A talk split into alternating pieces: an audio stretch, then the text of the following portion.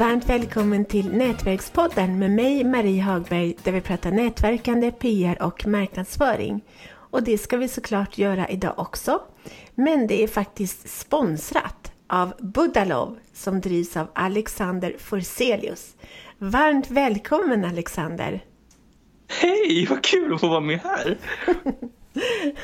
vad kul att du tycker det! Vem är du? Jag heter Alexander Forselius. Jag föddes i Rumänien 1991 och kom till Sverige 1994. Jag fick min, tidigt min diagnos autism och mitt stora intresse är data och musik. Mm. Och så har du ett företag, Budalov. Vad gör du där? Mitt företag har tre grenar, musik och sen programmerar datorer och så skriver egna böcker. Vad häftigt. Och, och ehm, och mm. vi ska ju prata PR i det här äh, i, ja. i Nätverkspodden. Och du har ett jättebra PR-tips. Berätta gärna om det det är det att när man ska börja PR så är det lite som en trestegsraket. Att det första man tänker man har lite för det är att man kanske inte man ska förvänta att man kommer med en nyhetsmorgon det första man gör. Man måste ju börja kanske liksom ja, på första nivån. Det är först med tv-spel va? på level 1, värld 1, 2, 3, 4 och då kan man säga att, att eh, nyhetsmorgon är som att komma till extra världen liksom efter man har klarat sista bossen och då tänker jag då liksom att, att eh, man börjar då liksom lokalt i sin lilla ort då, när man bor på en liten ort kanske då man med lokaltidning va? och så har man det som referens när man jobbar sig uppåt liksom. Det är så jäkla bra. Och, och dessutom att det är mellan, ja nu är det lite, några, siffrorna är några år gamla, men det är mellan ungefär 95 procent som läser sin lokaltidning så att den, man kan ju få enorm spridning av att synas i sin lokaltidning så det är jätte, ja, jättebra. för det är det att har man gått rykte lokalt då kan man expandera liksom lite ytterligare till yttre, ytterorter och det är så det liksom sprids vidare. Va? Att man liksom börjar kan man lite som att göra upp en brasa, att man tänder på lite där så är det varmt och så blir det bra så sprider det sig liksom ända. Va? Ja. Ja, det är jättebra. Och sen så också ska man komma ihåg det att, att många, de flesta journalister, de älskar att läsa. De läser allt de kommer över. Så att om ju fler journalister det bor på lokalorten, ju fler, kommer, fler journalister kommer att läsa. Ja, ja, och sen är det ju som så då att, eh, att bo på en liten ort har en liten fördel också med att det är billigare med lokalhyra och sånt. Så även om det kanske är lite längre till alltså kontakter och sånt så är det ju det att man bor ju billigt så man kan lägga mer pengar på marknadsföring också än att betala hög hyra. Gud, du är så smart! Och dessutom får man ju dra de där kostnaderna också på firman vilket man inte får om man bor i en dyr bostadsrätt i Stockholm förutom ränteavdraget och såklart. Mm, mm, helt sant. Mm. Och du, du gör ju musik. Och du har många följare och lyssnare på Spotify. Hur gjorde du för att slå igenom bruset där med din yogamusik? Alltså jag förstod tidigt att det här med, Spotify var ju liksom att alltså, man kom upp på listor och sånt. Men det var ju hur ska man ha kontakt med personer som har listan? Hur ska man göra ett bra argument? Och då var det liksom att försöka liksom gå lite back och försöka liksom spåra var de rör sig, vilka forum var. Så det var ju mycket att dela sina musiklåtar på olika forum och sådär. Och det var ganska mycket jobb kring det där. Och, så där. och sen köpte jag även sponsring på olika sidor och Facebook-sidor så att jag liksom ökade delningsalgoritmen på Spotify och sådär. Och då gjorde det liksom att till slut då, och med pitchar här så, så, så breakade det till slut där i november då jag fick med min låt på en stor lista då på Spotify. Gud så häftigt. Superhäftigt. Ja, alltså, du, är, du, är, du är ett geni. Mm, och sen så har du ju en funktionsnedsättning, ADHD, vilket du mm. pratar så mycket om. Ja. Berätta hur du har kunnat använda din ADHD som en superkraft för att lyckas med ditt PR-arbete?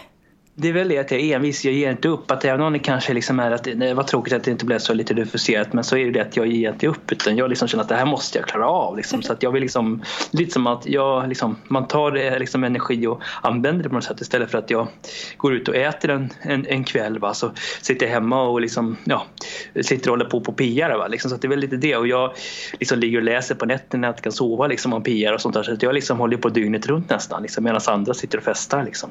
Gud så bra. Och så det, eftersom jag inte heller går på systemet att dricka alkohol, vilket jag inte kan och köra bil heller, så kan jag använda de pengarna, spara på alkohol och bilkörning till egen PR också. Det är en bra grej. Verkligen, det så där, Så att jag menar det som jag inte kan göra då med funktionsnedsättning kan jag använda som istället för att göra det här. Så att jag inte kan till exempel köra bil och det här så dricka alkohol så kan jag liksom använda den energin och pengar till att växa mig själv istället. Och så kan jag köpa tågbiljetter istället.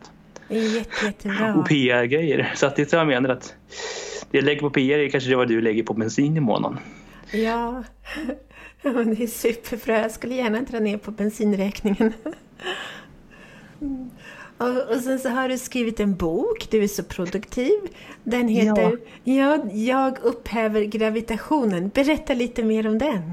Ja, det är en resa från när jag var liten, alltså när jag kom till Sverige, att vara adopterad. Det var som att komma från en annan värld. Liksom. Jag var adopterad från Rumänien liksom. och sen så eh, till idag då, skoltiden och allting som jag hade problem med skolan och att jag var tvungen att liksom, ja, leka med andra barn, vilket jag inte ville.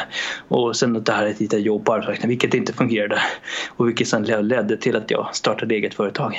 Mm. Mm. Ja, och var, varför skrev du den här boken? Den, eh, för att jag vill berätta hur det är liksom från back-end till back-off liksom i min hjärna med ADHD.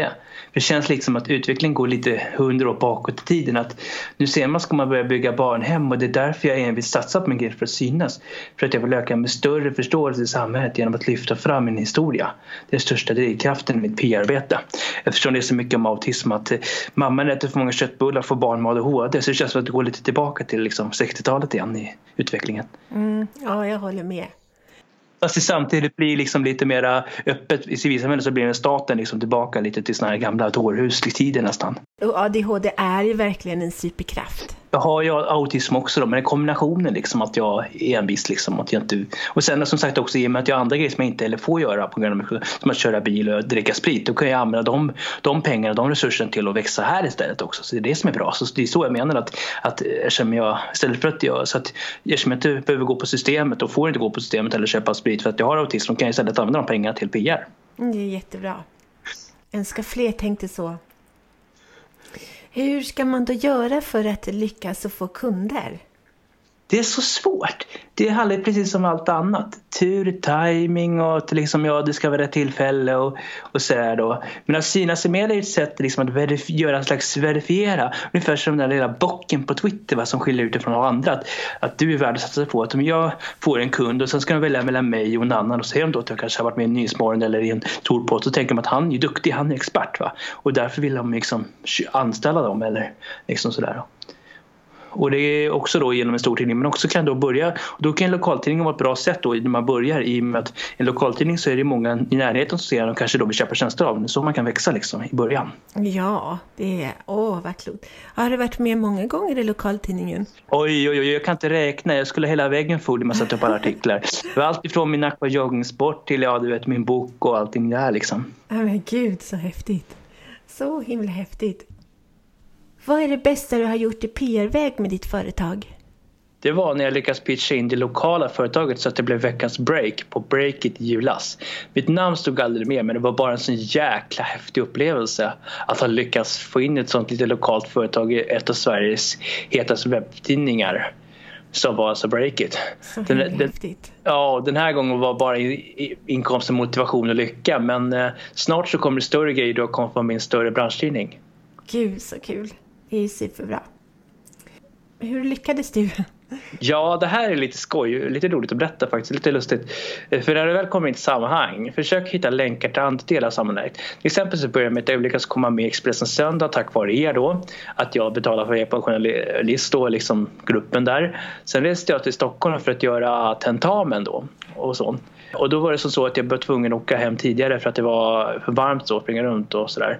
Och då så när jag kom till centralen så såg ett större företag en inspelning så jag lyckades pitcha in mig där för att bli gäst där. Så när jag väl hade kommit hem så upptäckte jag att en större branschserie producerades av samma produktionsbolag som hade hand om den inspelningen varit med. Så jag mejlade då redaktören på tidningen och berättade att jag hade varit med i, ett, i en av företagets andra produktioner med den, med den smått galna rubriken Nyhetstips Spotify blev min arbetsförmedlare. Skitbra rubrik. Så man pratar mycket om arbetsmarknaden så liksom. Någon dag efter mig ringde jag upp dem och de var intresserade av reportage med mig. Resten är historia. Om några veckor kommer jag vara med i ett av Sveriges mest eftertraktade affärstidningar.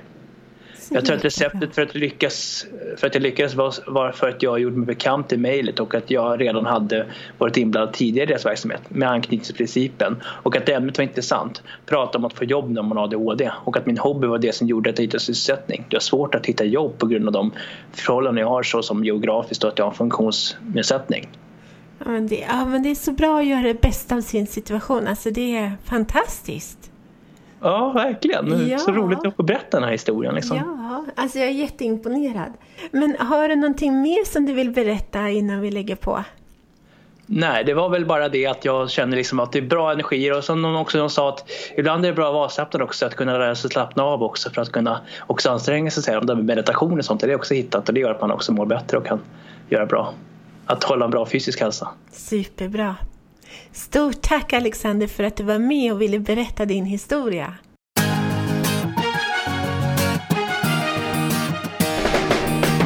Tack för att du har lyssnat på Nätverkspodden om nätverkande, PR och marknadsföring.